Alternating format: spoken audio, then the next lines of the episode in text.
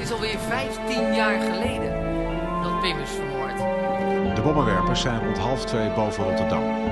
Het bombardement duurt nog geen kwartier, maar de gevolgen zijn enorm. Koning Willem-Alexander is ingehuldigd. Leven de koning! Leven de koning! Leven de koning!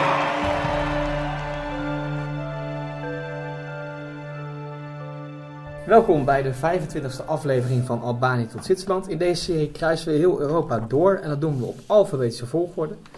Ja, in deze aflevering komen we dan uit op eigen bodem, want het is eh, de beurt in Nederland. Historicus Evert de Graaf, ja, welkom.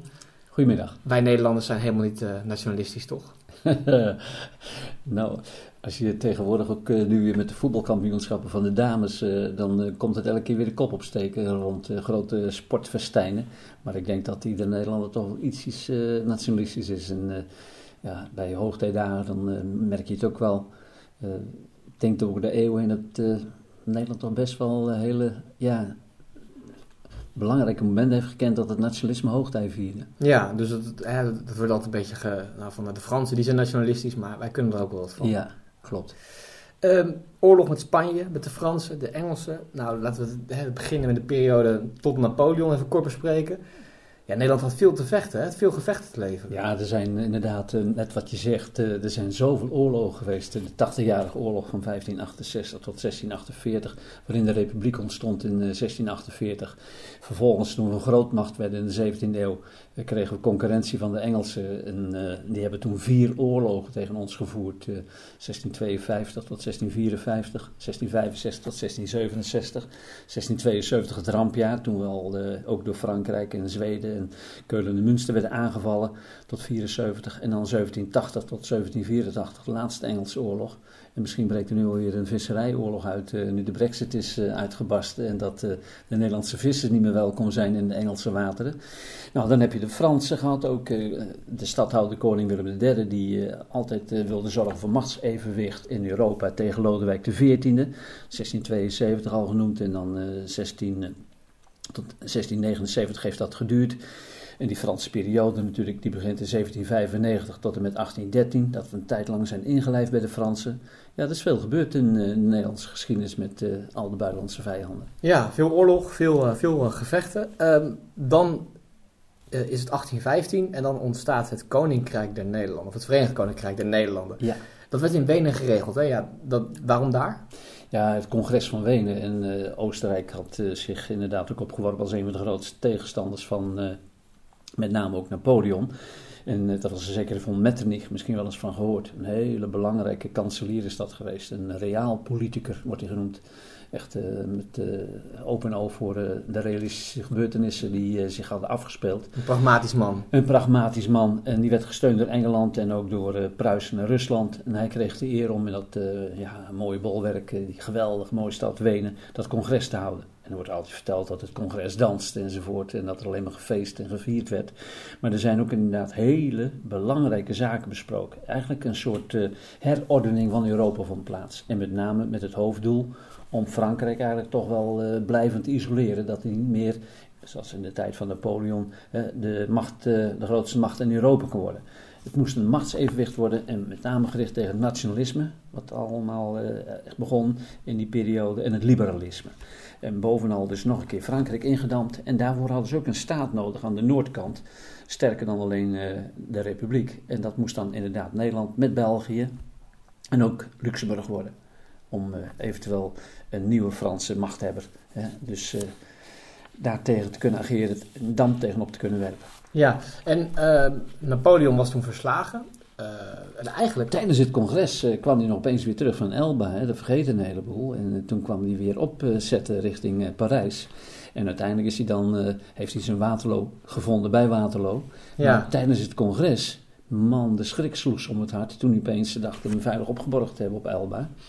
En uiteindelijk werd hij toen verslagen en toen moest hij maar iets verder weg. Uiteindelijk is hij verbannen naar Sint Helena, waar hij dan ook overleden is in 1827. Nou, dat is echt in the middle of nowhere tussen het puntje van Zuid-Amerika en Zuid-Afrika, geloof ik. Echt, Waarom hebben ze hem eigenlijk niet gewoon vermoord? Dat... Ja, dat, uh, of ze zich daarvoor te netjes voelden, uh, dat, dat weet ik eigenlijk niet. Ze, ze hebben hem ja. willen verbannen ook, ja, kleineren, Van, eh, jij bent de machthebber, nou dan eh, zullen we jou een keertje op een heel klein eh, eilandje proppen. Geen, ik creëer toch geen heldenstatus, iemand wordt vermoord, dan kan dat natuurlijk wel... Ja, misschien ook, ja, dat zal er ook meegespeeld hebben. Ja. Dat vind ik een goeie. Ehm, maar eigenlijk als ik het dan zo zeg, 1815, dat, het klinkt mij een beetje alsof ze 1914 aan voelden komen en dat daar wilden voorkomen. Ze wilden voorkomen dat er een wereldoorlog uitbrak.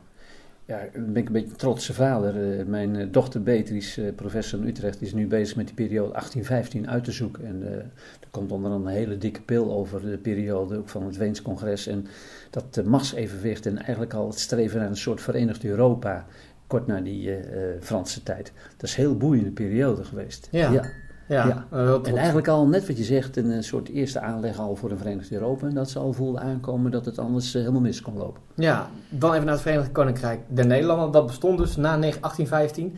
Eh, en daar zat ook België nog bij, hè? maar die waren niet echt gelukkig, begreep ik al. Nee, er waren grote tegenstellingen tussen de Belgen aan de ene kant en de Nederlanders aan de andere kant. Wij Nederland natuurlijk overwegend protestants land, zij overwegend rooms-katholiek. De taal die verplicht werd ingevoerd was natuurlijk het Nederlands, eh, vooral bij de ambtenarijen, bij de scholen en in het openbaar bestuur. Eh, dat eh, stak de Fransen natuurlijk ook, eh, de Franstalige Belgen. Bovendien had Nederland hele grote belastingsschulden. De Fransen hadden ons land leeggezogen. En de, de Belgen hadden veel minder staatsschuld dan de Nederlanders. En het werd allemaal op één hoop gegooid. Amalgaam wordt dat genoemd. Het werd gewoon vermengd. Dat was heel nadelig voor de Belgen. En bovendien, er moest een staten-generaal, een parlement komen. En in die periode van 1815 telde Nederland ongeveer 2 miljoen inwoners. En de Belgen 3,5 miljoen. Die waren dus bijna twee keer zo groot. Het is tegenwoordig andersom maar toen niet. En eh, er werd bepaald dat er kwam toen één kamer. En die zou bestaan uit eh, 110 leden, 55 uit Nederland en 55 uit, eh, uit België. En bovendien, eh, waar ze ook van baalden, de Belgen, was dat eh, bij het leger wat er moest eh, georganiseerd worden, dat veel meer Belgen werden opgeroepen voor het leger dan Nederlanders. Dus er was volop wrijving tussen de Belgen en de Nederlanders. Ja, en Willem I was ook niet echt een eh toegevelijk vorst, hè? Nee, het was echt eh, de koopman. Koning wordt hij genoemd. Het eh, was een, echt een autoritair man. En die dacht inderdaad ook ja, het hele gebied naar zijn hand te zetten. Trok zich weinig van het parlement aan. Kon toen nog. We hadden nog niet 1848 gehad. eh, dat hij eh, echt eh, aan banden werd gelegd door een grondwet. We kregen wel een grondwet in 1815. Maar die gaf de koning ook hele grote macht. Toen België trouwens bijkwam. Toen kwam ook voor de eerste keer in de geschiedenis een Eerste Kamer erbij. En in de Eerste Kamer er werden de politieke vriendjes voor het leven benoemd door de koning. Dus mocht er in de Tweede Kamer een revolutionair idee leven van we stemmen de koning Ja. af, dan werd het daar aangenomen. Moest het naar de Eerste Kamer toe, maar dan werd het daar altijd natuurlijk van tafel geveegd. Dat Ja. heet de bolwerktheorie. Bolwerk tegen het volk, of tussen het volk en de koning. Dus eigenlijk wat we nu als controlesysteem hebben voor eh, gekke ideeën die de Tweede was toen Kamer eigenlijk inderdaad een bastion van de koning. een bolwerk eh, Ja, voor de koning. dat is inmiddels niet meer. Nee. het werd dus geen gelukkig huwelijk en uiteindelijk schrijft kiest België voor de onafhankelijkheid. Die zegt van nou, we zijn er helemaal klaar mee. Wanneer gebeurde dat? Dat is eh, allemaal gebeurd in eh, 1830. Een eh, hoogtepunt in die oorlog geweest. Het heeft nog geduurd van 1830, nog vrij lang, tot 1839. Maar de meeste schermutselingen zijn geweest in 1831. Misschien wel eens gehoord van de Tiendaagse Veldtocht. En eh, die was vrij succesvol van 2 augustus tot 12 augustus voor de Nederlanders. En dan had je een hele bekende verhaal, ken je misschien ook wel van Van Spijk. Dat was een, Ja. eh, een officier en eh, zijn boot werd bestormd door opstandelingen. En toen dacht hij, alles beter dan overgeven. Dan schijnt hij echt een sigaar ook eh, in het kruidvat geduwd te hebben, waardoor het bootje, die boot explodeerde met vele doden en gewonden. Maar eh, dat betekende toch eh, uiteindelijk dat de opstandelingen, en ook een hele mooie aanleiding, dat is geweest een, een opera, de Muerte de Portici, de Stomme van Portici, dat speelt dan eigenlijk in Napels en dan wordt het volk opgeroepen in opstand te komen tegen een Spaanse tiran, een Spaanse onderdrukker die daar de macht had. En dat sloeg over op eh, de Brusselse bevolking. En die gingen toen de straat op en gingen protesteren tegen de ja, dictatoriale macht van de Nederlanders, vonden. Maar het heeft, eh, en eigenlijk helemaal verder geen grote gevechten meer. Maar het heeft nog geduurd voordat het uiteindelijk ook door de grote mogendheden bekrachtigd werd dat België een zelfstandige natie werd. Ja, een opera dat leidt tot een eh, revolutie. Ja, dat zie je. Dan blijft Nederland over van Groningen tot Maastricht. En ontstaat er eind 19e eeuw de verzuiling. En dat is vrij bijzonder. Eh, die splitsing in de maatschappij in eigenlijk drie, vier groepen. Ja, dat is toch al, eh, dat is vrij uniek, hè? Ja, dat is heel uniek. Er is Nederland echt uniek in geweest. En terecht zeggen, het is ontstaan eigenlijk in het laatste kwart van de 19e eeuw. Toen speelden drie kwesties een hele grote rol. Dat was de schoolkwestie, met name de eh, protestanten die wilden graag, en ook de katholieken, dat hun onderwijs, het bijzonder onderwijs, ook gesubsidieerd werd door de overheid. En het was niet zo, alleen het openbare onderwijs werd gesubsidieerd. Eh, je had de, de kiesrechtkwestie, dat ook de gewone kleine man, de kleine luide van de ARP, Abraham Kuyper, die wilde ook kiesrecht hebben, want het was toen alleen maar weggelegd voor rijke mensen. Het censuskiesrecht, misschien wel eens van gehoord. Als je een bepaald bedrag aan de belasting betaalde, dan mocht je stemmen. En dan had je nog de sociale kwestie. Je zag eh, het opkomende eh, industrialiseringsproces in Nederland en met alle uitwassen van dien. En men vond dat ook invalide, zieken en al dat soort mensen meer ook bescherming moesten hebben. En die drie kwesties hebben ertoe geleid dat toen inderdaad de verzuiling ontstond. En zoals een tafel gesteund wordt door vier poten, werd de Nederlandse samenleving symbolisch gesteund door vier zuilen. En dan had je de protestants-christelijke zuil. En heel bijzonder bij de protestants-christelijke zuil, die was onderling eigenlijk ook weer verdeeld. Want dan had je de hervormden, dan had je de gereformeerden, dan had je de afgescheidenen, dan had je dus eh, de gereformeerde gemeente. Maar grotendeels toch wel één protestantse zuil, de katholieke zuil. En dan had je nog de socialistische zuil en dan had je nog de liberale zuil. En eh, men leefde binnen die zuil, misschien wel heel eh, mooi te verwoorden ook met de ARP, de oudste partij, anti-revolutionaire partij, opgericht in 1878 door Abraham Kuyper. Elke groep die leefde compleet binnen die eigen zuil. Ze hadden een eigen partij, de gereformeerden, de ARP. Ze hadden een eigen krant, de Standaard. Ze kregen een eigen school, de school met een Bijbel. Ze kregen een eigen kerk, de gereformeerde kerken in Nederland in 1892. Een eigen universiteit, dat was de Vrije Universiteit. En nog een keer, je trouwde binnen die eigen zuil. Maar het mooie was, je zou zeggen, dan wordt een land eigenlijk onbestuurbaar als iedereen in zijn eigen zuiltje leeft. Die leiders van die vier zuilen, die konden het goed met elkaar vinden, redelijk goed.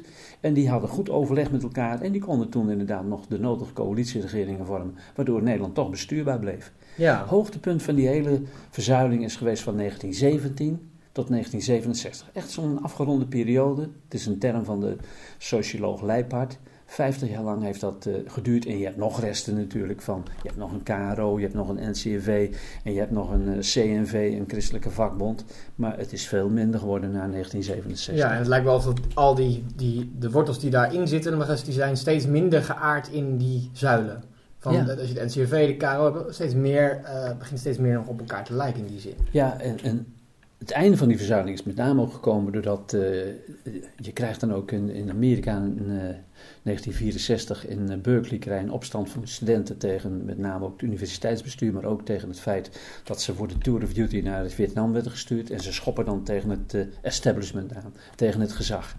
Je ziet ook dat eh, de komst van de televisie geleid heeft tot echt een eh, ontkerkelijking en ook eh, een einde aan de verzuiling. Want ze gingen over die schotjes heen kijken. En toen bleken gereformeerden, bleken katholieken, bleken socialisten, zelfs communisten hele gewone mensen te zijn. Ja, Die, die, eigenlijk ideeën die werden overhoop gehaald. geen er zitten geen duivelsoortjes op. Nee, precies, precies. En eh, ook de, de toenemende welvaart, eh, dat je echt je vleugels kon uitslaan en dat je echt reizen kon maken en uit je ja, zuiltje kon treden. Dat heeft ertoe geleid dat eh, er een einde kwam aan die verzuiling. Ja, en dat is ook echt de periode van de protestsongs en de seksuele precies, revolutie. Precies. Ja. Ja, opkomst van inderdaad eh, voor de eh, klassieke grondrechten die je inderdaad kende ook in Nederland.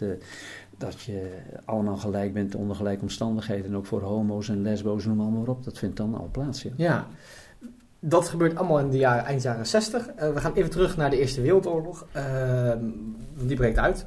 We weten allemaal dat Nederland in die oorlog neutraal bleef. In eigenlijk in alle afleveringen zien we dat dat alleen kan als een groot land daarmee instemt. En Nederland had het geluk dat Duitsland en Engeland dat wel zagen zitten. Ja, en met name Duitsland had echt een eh, plan opgesteld al op het eind van de 19e eeuw van een zekere von Schlieffen. Daar hebben we het al in een ander verband over gehad. Eh dateerde, officieel stond op papier geloof ik eh, al in 1906. Maar het werd in laatste instantie bijgesteld, waardoor men toch Nederland niet dacht nodig te hebben voor een aanval op eh, met name Engeland.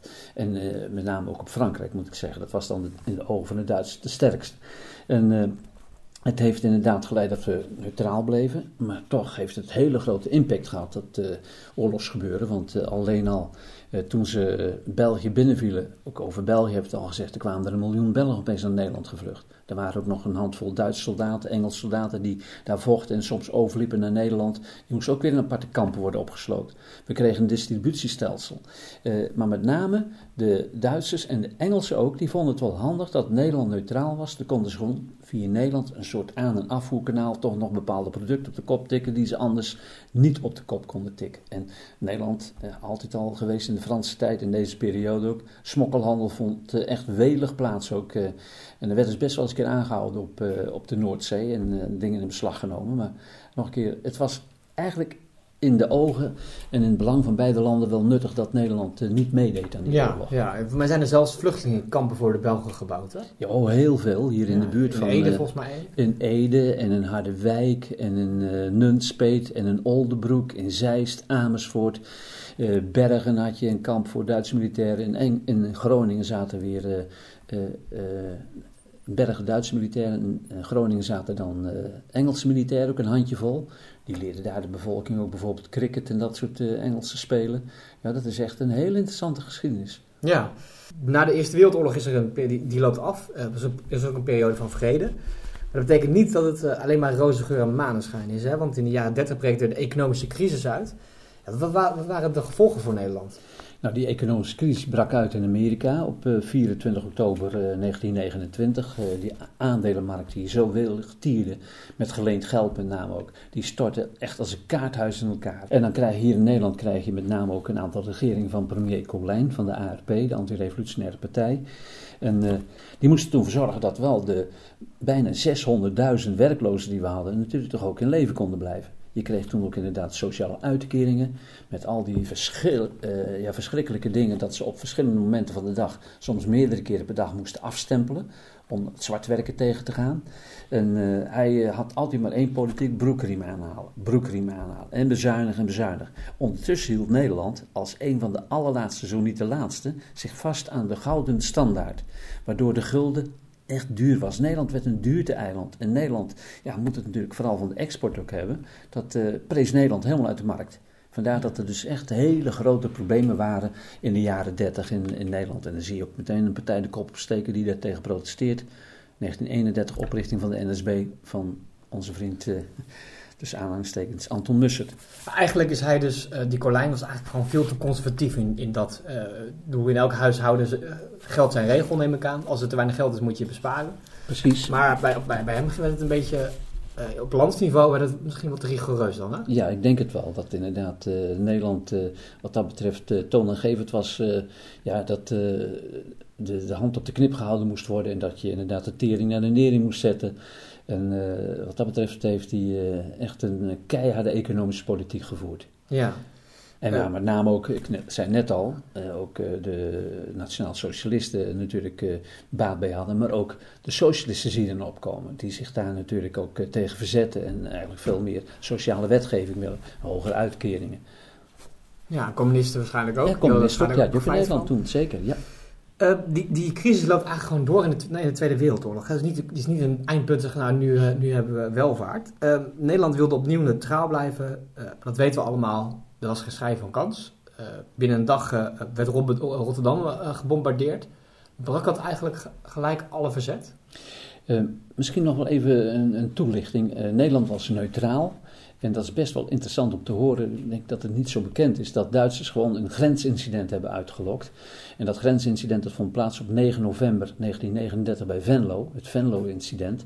En daar hadden toen twee Britse geheime agenten op Nederlands grondgebied een afspraak gemaakt met officieren die zogenaamd tegen Hitler waren. Het waren gewoon afweerofficieren die bij de geheime dienst van de Duitsers zaten. En eh, die hadden dan een afspraak om elkaar te ontmoeten in Venlo. En er zou dan gesproken worden hoe ze een aanslag op Hitler konden plegen. En wat gebeurt er? Die twee eh, Engelse officieren die worden in de val gelokt, Payne Best en Stevens. En die worden gearresteerd en afgevoerd. Een Nederlander die bij was, die probeerde zich te verzetten, die werd gedood. Dat werd, dat werd later gebruikt door Hitler om te zeggen: zie nou, Nederland neutraal? Vergeet het. Ze lieten gewoon die Engelsen tegenstanders van ons opereren op Nederlands grondgebied om mij ten val te brengen. Dus dat was dan eigenlijk de aanleiding om uh, Nederland binnen te vallen. En ja, en we hadden natuurlijk de Hollandse waterlinie en we hadden best wel een aantal stellingen in het oosten van het land en op andere plekken ook. Maar dat uh, Duitse leger zette opeens een nieuw wapen in, de vliegtuigen en de parachutisten, waardoor we totaal verrast werden. En bovendien lieten ze de plannen 17 keer uitlekken. Val Gelb was die operatie. Dat we gewoon in slaap gesust werden. Elke keer dacht het zal wel meevallen, het zal wel meevallen. We hadden een, eh, een diplomaat in Berlijn zitten, major uh, die had hele goede contacten. En die waarschuwde nog echt toen de laatste keer het echt heel serieus was van let op, ze komen eraan, werd gewoon niet geloofd. En we werden totaal verrast op 10 mei 1940. Ja. En toen, net wat je zegt, op 14 mei eh, werd Rotterdam gebombardeerd. bijna, ik denk wel 900 doden, 24.000 huizen plat gebombardeerd. Het hart uit de stad weg. En toen ze dreigden ook nog Utrecht te, te grazen te nemen. Toen moest niet de regering, en niet de koningin, die waren al uitgeweken naar Engeland, waar nu nog over gediscussieerd wordt, had ze niet op haar post moeten blijven. Maar generaal Winkelman moest toen de capitulatie ondertekenen. Dat lijkt me een, een, een, een zware beslissing, maar ja, tegen zo'n overmacht is het ook uh, wellicht ja. wat, wat, zinloos om door te vechten. Precies. Um, we weten dat er allemaal in de Tweede Wereldoorlog veel Joden zijn vermoord. 75% van de Joodse bevolking in Nederland. Uh, volgens mij is er nog steeds heel veel discussie over. Hè? Waarom dat aantal nou in Nederland zo hoog is. Ik heb allemaal theorieën gehoord. Wat, wat, wat denk jij eigenlijk? Hoe ja, komt dat? Uh, er wordt inderdaad nog steeds veel over geschreven. Ik uh, las net vorige week nog weer een artikel ook dat dan de buitenlandse Joden nog weer meer de dupe waren dan Nederlandse Joden die er al ja, zich een aantal jaren gezetteld hadden. Maar je kunt een aantal hele belangrijke oorzaken kun je noemen. Er bestond in Nederland heel veel latent antisemitisme.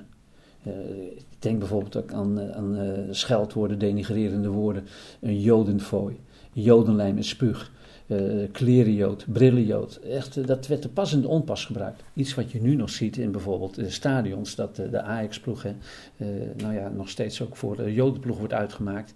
En dat er ook allerlei sisgeluiden plaatsvinden. dat soort gevoelens, dat leefde toen in Nederland heel sterk. Bovendien, Nederland, heel veel groeperingen in Nederland hebben heel sterk gecollaboreerd in de Tweede Wereldoorlog met de Duitsers samengewerkt. De NS, pas stond er ook nog een bericht in de krant, dat NS inderdaad zich nog verontschuldigde voor de gebeurtenissen in de Tweede Wereldoorlog. Dat ze maar veel te gretig inderdaad ook hadden meegedaan aan het afvoeren van de Joden naar concentratiekampen. De rol van de Nederlandse politie, die ook inderdaad nauw betrokken was bij het arresteren van de Joden en daar ook soms inderdaad uh, het voortouw nam. En dan moet ik eerlijk zeggen, ook de Joden zelf, die hebben boter op hun hoofd, want de Joodse Raad met Ascher en Cohen, eh, nu nog, uh, ik meen dat het de opa van de huidige Ascher is die daar ook Ja. in zat, en die ook een soort verdelen- en heerspolitiek toepaste. Dus wat dat betreft is er veel misgegaan, waardoor inderdaad 74% van de Joden, van de 140.000, ik meen uh, dat er slechts een, een 20.000 zijn uh, uh, kunnen onderduiken, maar 104.000 uiteindelijk, die zijn omgekomen in de concentratiekampen in Oost-Europa. Ja, en, ik toch, en dat zat er tegenover, um, dat, dat is wat ik onlangs ergens las, dat veel, veel, een groot deel van de bevolking ook niet doorhad dat uh, Auschwitz bestond en dat het zo gruwelijk was als dat het uiteindelijk bleek te zijn. Ja, er zijn ook allerlei theorieën over. Uh, als je inderdaad ook. Ik, ik heb pas nog een keer een lezing gegeven over koningin Wilhelmina. En die heeft al een keertje in, in Londen op Radio Oranje. De Stem van Strijd in Nederland heeft ze al in 1942 heel overduidelijk laten merken dat ze wisten wat met de Joden gebeurde. De geallieerden, uh, de leiders, die wisten het ook al. Maar die hebben er gewoon over gezwegen, want oorlogvoering, het winnen van de oorlog tegen Hitler, had prioriteit nummer één. En van die Joden, dat was echt nog niet eens prioriteit nummer twee. Nee. Er stond meer op de achtergrond. Maar er gingen allerlei geruchten. Er zijn ook uh, al dagboeken teruggevonden van Joden dat ze al best vermoeden wat er gebeurde in uh, de kampen in Oost-Europa. Ja. Anderen hebben het niet geweten, maar een bepaald elect, uh, elitair gezelschap die de wereldpers las, dat soort dingen, die konden het al wel weten. Uh, dan blijft over dat de Nederlandse bevolking uh, niet echt heel revolutionair is. Hè? We hebben, als je andere landen bekijkt, daar breekt om de zoveel jaar wel een oorlog uit met slechte bestuurders. En Nederland is eigenlijk vrij kalm. Was het ook misschien zo dat, dat de Nederlanders niet gewend waren om tegen hun bestuurders dan in opstand te treden? Nee, toen had je echt in die periode ontzettend veel ontzag voor het gezag. Dat eh, zat echt wel bij de Nederlanders ingebakken. Dat had ook te maken natuurlijk met eh, de verzuiling. Want eh, de leiders, daar werd echt naar geluisterd toen in die periode. Kun je bijna niet meer voorstellen. Nou, jij bent jong, maar ik kan me nog voorstellen, voor de ogen halen, dat ik een ventje was van een jaar of tien, al meer dan 60 jaar geleden, dat Nederland tegen België moest voetballen in het Olympisch Stadion. Dat er bij wijze van spreken één agent op de middenstip stond. En als iemand een beetje kabaal maakte, dan stond hij op de middenstip en zei, houd jij je mond dicht. En dan werd dat gewoon blind gehoorzaamd. Ja. Als een agent wat zei of een autoriteit, er werd naar geluisterd. Maar dat veranderde allemaal in de jaren 60. Precies, dus een Duits, met een Duits officier, daar werd ook naar geluisterd. Aan de andere kant, er zijn ook wel, ja, daar hebben we de tijd niet voor. Als je ziet wat er ook in de jaren 30 ook in Nederland een opstand is geweest, eh, Ja. waarbij doden zijn gevallen. Eh, daar kan ik zo een uur over praten, maar misschien wel eens een keer gehoord van het Jordaan-oproer op de zeven provinciemuiterijen enzovoort, waar echt eh 17 doden bij viel. Dus er gebeurde wel, wel wat hoor, Ja, maar dan moeten echt wel de aardappels op zijn. Ja, Toch? ja, en het Ja. aardappeloproer ook in Amsterdam Ja, in precies. 1917. Ehm, die oorlog loopt eh, gelukkig ook af. En dan wordt Nederland opge- opnieuw opgebouwd. Eh, en dan eh met hulp van de Verenigde Staten. En dan is er nog de situatie in Nederlands-Indië. En achteraf, als, als, dat, als ik daar terug aan denk, denk ik, dat is eigenlijk vreemd. We zijn net bevrijd van een oorlog. En dan is er in Nederlands-Indië eh, ook een onafhankelijkheidsstrijd. En dan eh, houden we de poot stijf. Is dat te kort door de bocht of klopt het? Nou, dat klopt best wel. Eh, ik moet altijd denken, ik ben eh, echt groot geworden met de, de verhalen rond de razzia. En de laatste overlevende was een Jannes Priem. 18 jaar opgepakt. Eh, die komt als een, eh, ja, een uitgemergeld skelet van 38 kilo. Komt hij terug uit de kampen, wordt opgelapt en wordt vervolgens naar Indië gestuurd. En dat doet hij eigenlijk precies tegenovergesteld. Hij is eh, verschrikkelijk te grazen genomen in de kampen in, eh, in, eh, in Duitsland. En dan gaan ze daar dus inderdaad jacht maken. Aan de andere kant, ik begrijp het ook wel, want het was nog steeds Nederlands koloniaal gebied. Generaal Spoor, die zei het heel mooi, die probeerde inderdaad ook de term oorlog niet te gebruiken. Die heeft letterlijk gezegd, gij rukt niet op om dit land den oorlog te brengen, maar om het vrede te brengen. Gij komt niet als veroveraar, maar als bevrijder. Ze moesten het land bevrijden van de Jappen. En de Japanners, die hebben werkelijk op het eind van eh, de periode dat ze zagen dat ze gingen verliezen, en uiteindelijk gebeurde de twee atoombommen, eh, op 6 eh, op augustus en eh, 9 augustus op Hiroshima en Nagasaki. Maar van tevoren hadden ze al opstandelingen wapens gegeven en hebben ze de mensen opgejut van, moest kijken, wij konden de blanken ook verslaan. En eh, hier hebben jullie wapens, kom tegen die blanke overheers in opstand. En daar hadden ze echt mee te maken toen ze terugkeerden in eh, Indië. Opstandige eh, nationalisten. En dat moest toen met twee politionele acties, want het mocht geen oorlog heten. Nee. Moesten daar inderdaad de rust en orde stellen. Operatie Product, 12, of, eh, 20 juli tot 5 augustus 1947. En die andere was van 10 december 1948 tot 5 januari 1949. En in wezen hele succesvolle operaties. Maar het schoot in het verkeerde keelgat van de Verenigde Staten, van de Engelsen, van Australië en uiteindelijk ook van de VN. En die hebben toen allemaal eigenlijk eh, afstand genomen. En met name, misschien wel eh, interessant om te vertellen, de rol van eh, de Verenigde Staten.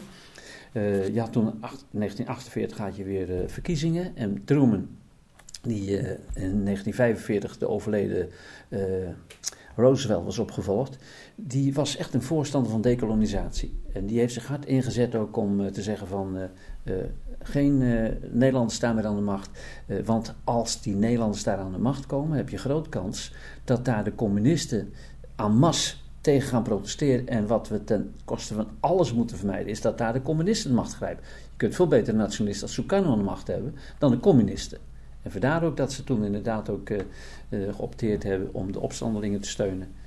De nationalisten te Ja. steunen en niet Nederland. En Ja. zelfs met de dreiging van het intrekken van de Marshallhulp. Dat, dat, dat was een vrij intensieve maatregel. Ja, zeker. Eh, de politionele acties, hè? Ja. Je mag het geen oorlog noemen. Ehm, in Nederland trekt de economie aan. De maatschappij verandert ook. Nou, we hebben het eigenlijk al even kort over gehad. Hè? In die periode ontwikkelde Nederland zich tot het liberale vrije land zoals we het nu kennen. Ehm, met veel vrijheden voor mensen en de mensenrechten die hoog in het vaandel staan. Maar eigenlijk, was Nederland daar nou uniek in of volgde, of ging het... Want ik heb altijd namelijk het idee dat Nederland qua eh, in die revolutie veel verder is doorgeslagen dan in veel andere landen. Klopt dat? Nou, dat ben ik niet helemaal met je eens. Je hebt eh, met name ook in Frankrijk heb je echt ook in 1968 van alles gehad. eh, toen zelfs uiteindelijk ook de Gaulle moest aftreden. Vanwege de opstand van de jongeren en van de studenten die daar in actie kwamen. Je ziet het in Londen, je ziet het in Bonn, je ziet het in Berlijn. Je zag het ook natuurlijk op de universiteit in Nederland, de Maagdenhuisbezetting enzovoort. Maar gaan protesteren tegen de zittende macht, tegen het establishment. En er is Nederland echt niet uniek in. Uh, vooral natuurlijk met de acties van Provo, dat was heel bijzonder wat er allemaal gebeurde in die midden jaren 60. Uh, ook opeens schiet me te binnen dat je dan ook natuurlijk de oprichting krijgt in 1966 van D66. Van Milo, dat was de Hollandse Kennedy, die ook eigenlijk op de, ja, die dingen zat te tamboeren. En toen de bekende ontploffingstheorie lanceerde, zeg je dat wat? Een bom Nee. onder het, een figuurlijke bom onder het bestaande systeem van politieke partijen. Er waren er veel te veel. En er moesten eigenlijk net als in Amerika en Engeland twee grote blokken komen. Een progressief blok en een conservatief blok. Dus je ziet duidelijk dat er van alles gebeurde. Maar ik denk niet dat Nederland daarin echt Nee, bedoel heel uniek is. Ik bedoel eigenlijk meer in, in, in de- dat de gevolgen daarvan, in, in, het opschuiven van het heel conservatieve land naar een heel liberaal land, dat is best wel dat is in een korte inderdaad. tijdspannen best wel ver gegaan. Ja, dat is eh, inderdaad eh, best wel vrij gegaan. eh, Dat je dan in Nederland toch wel inderdaad die progressieve partijen, met name ook de Partij van de Arbeid, die begint dan geweldig te scoren.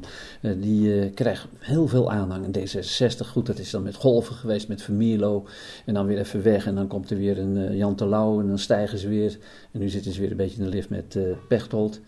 Maar er is ook een trend, als ze ergens in de regering hebben gezeten in Nederland dan, dat dan eh, vervolgens ook ze meteen weer afgerekend worden en meteen weer gehalveerd of nog meer worden. Ja. Goed, even een uitstapje. Ja, dat bijna, bijna bij alle partijen die niet de grootste zijn, is dat volgens mij het gevolg. Hè? PvdA Ja. nu, het CDA daarvoor. Ja, Eh, maar die- er is toch ergens ook nog wel die, die bepaalde Haagse herencultuur, die, die eh, met Abnelkers en dergelijke, die, die figuren. En dan komt Pim Fortuyn, en die verandert Ja. ook heel erg. Hè? Die gooit eigenlijk opnieuw, net zoals de D66, eigenlijk weer opnieuw alles om. Ja, en eigenlijk kijkt hij naar de gebeurtenissen in de Vierde Engelse Oorlog van 1780 tot 1784. Heb je Johan Derk van de Capelle tot de Pol. Dat is eigenlijk de eerste populist geweest in de Nederlandse geschiedenis. Heel erg leuk. En die heeft een geschrift doen uitgeven aan het volk van Nederland. Met andere woorden, kom mensen in Nederland een opstand tegen. Dat was toen eh, de gehate stadhouder Willem V. Die moeten van ons afwerpen en wij moeten het volk en moeten de macht grijpen. Nou, en daar heeft eh Pim Fortuyn ook later nu natuurlijk weer Wilders heeft daarop voortgeborduurd. Eh, populisme, wat is dat? Dat is wij tegen zij. En die wij, dat zijn dan de Nederlanders. Wij zijn het volk en wij weten wat Nederland wil. En dat zie je dan inderdaad ook bij een aantal van die figuren. Ante Mussert heeft het ook deels gehad. Een van de eerste, en die eh, misschien ook wel eh, goed dat we die even noemen, dat is Frits Bolkestein geweest, die nog steeds leeft. Maar dat was ook een man die al eh, begon ja, populistische denkbeelden tentoon te spreiden. Een van zijn leerlingen was inderdaad ook, ik meen zelfs Pim Fortuyn, want Pim Fortuyn, je begon er net over, dat is echt een flipflopper. Die heeft wel bij vier politieke partijen gezeten. Die heeft bij de Partij van de Arbeid gezeten, bij de VVD, bij Leefbaar Nederland en uiteindelijk bij, bij de lijst Pim Fortuyn, de LPF. En eh, nou ja, eh, nu, eh, de nieuwste lood aan de boom is Thierry Baudet. Kun je ook rustig stellen. Dat is ook een Ja. echte populist is die gewoon dan zeggen ook, Nederland is vol. En met name hebben ze de waarschuwende vinger gegeven tegen de, de oprukkende islam hier in Nederland. Ze zeggen nog net niet, het zijn allemaal terroristen, maar natuurlijk komt het toch wel vaak op neer. En dat zie je dan heel sterk nu op het ogenblik de kop opsteken. En wat, Xenofobie. ja, wat ze wel doen, is dat ze heel veel aandacht vestigen op de nationale cultuur, de Nederlandse cultuur. En we begonnen natuurlijk mee van, is Nederland nationalistisch? Nou ja, eh, eh, soms wel.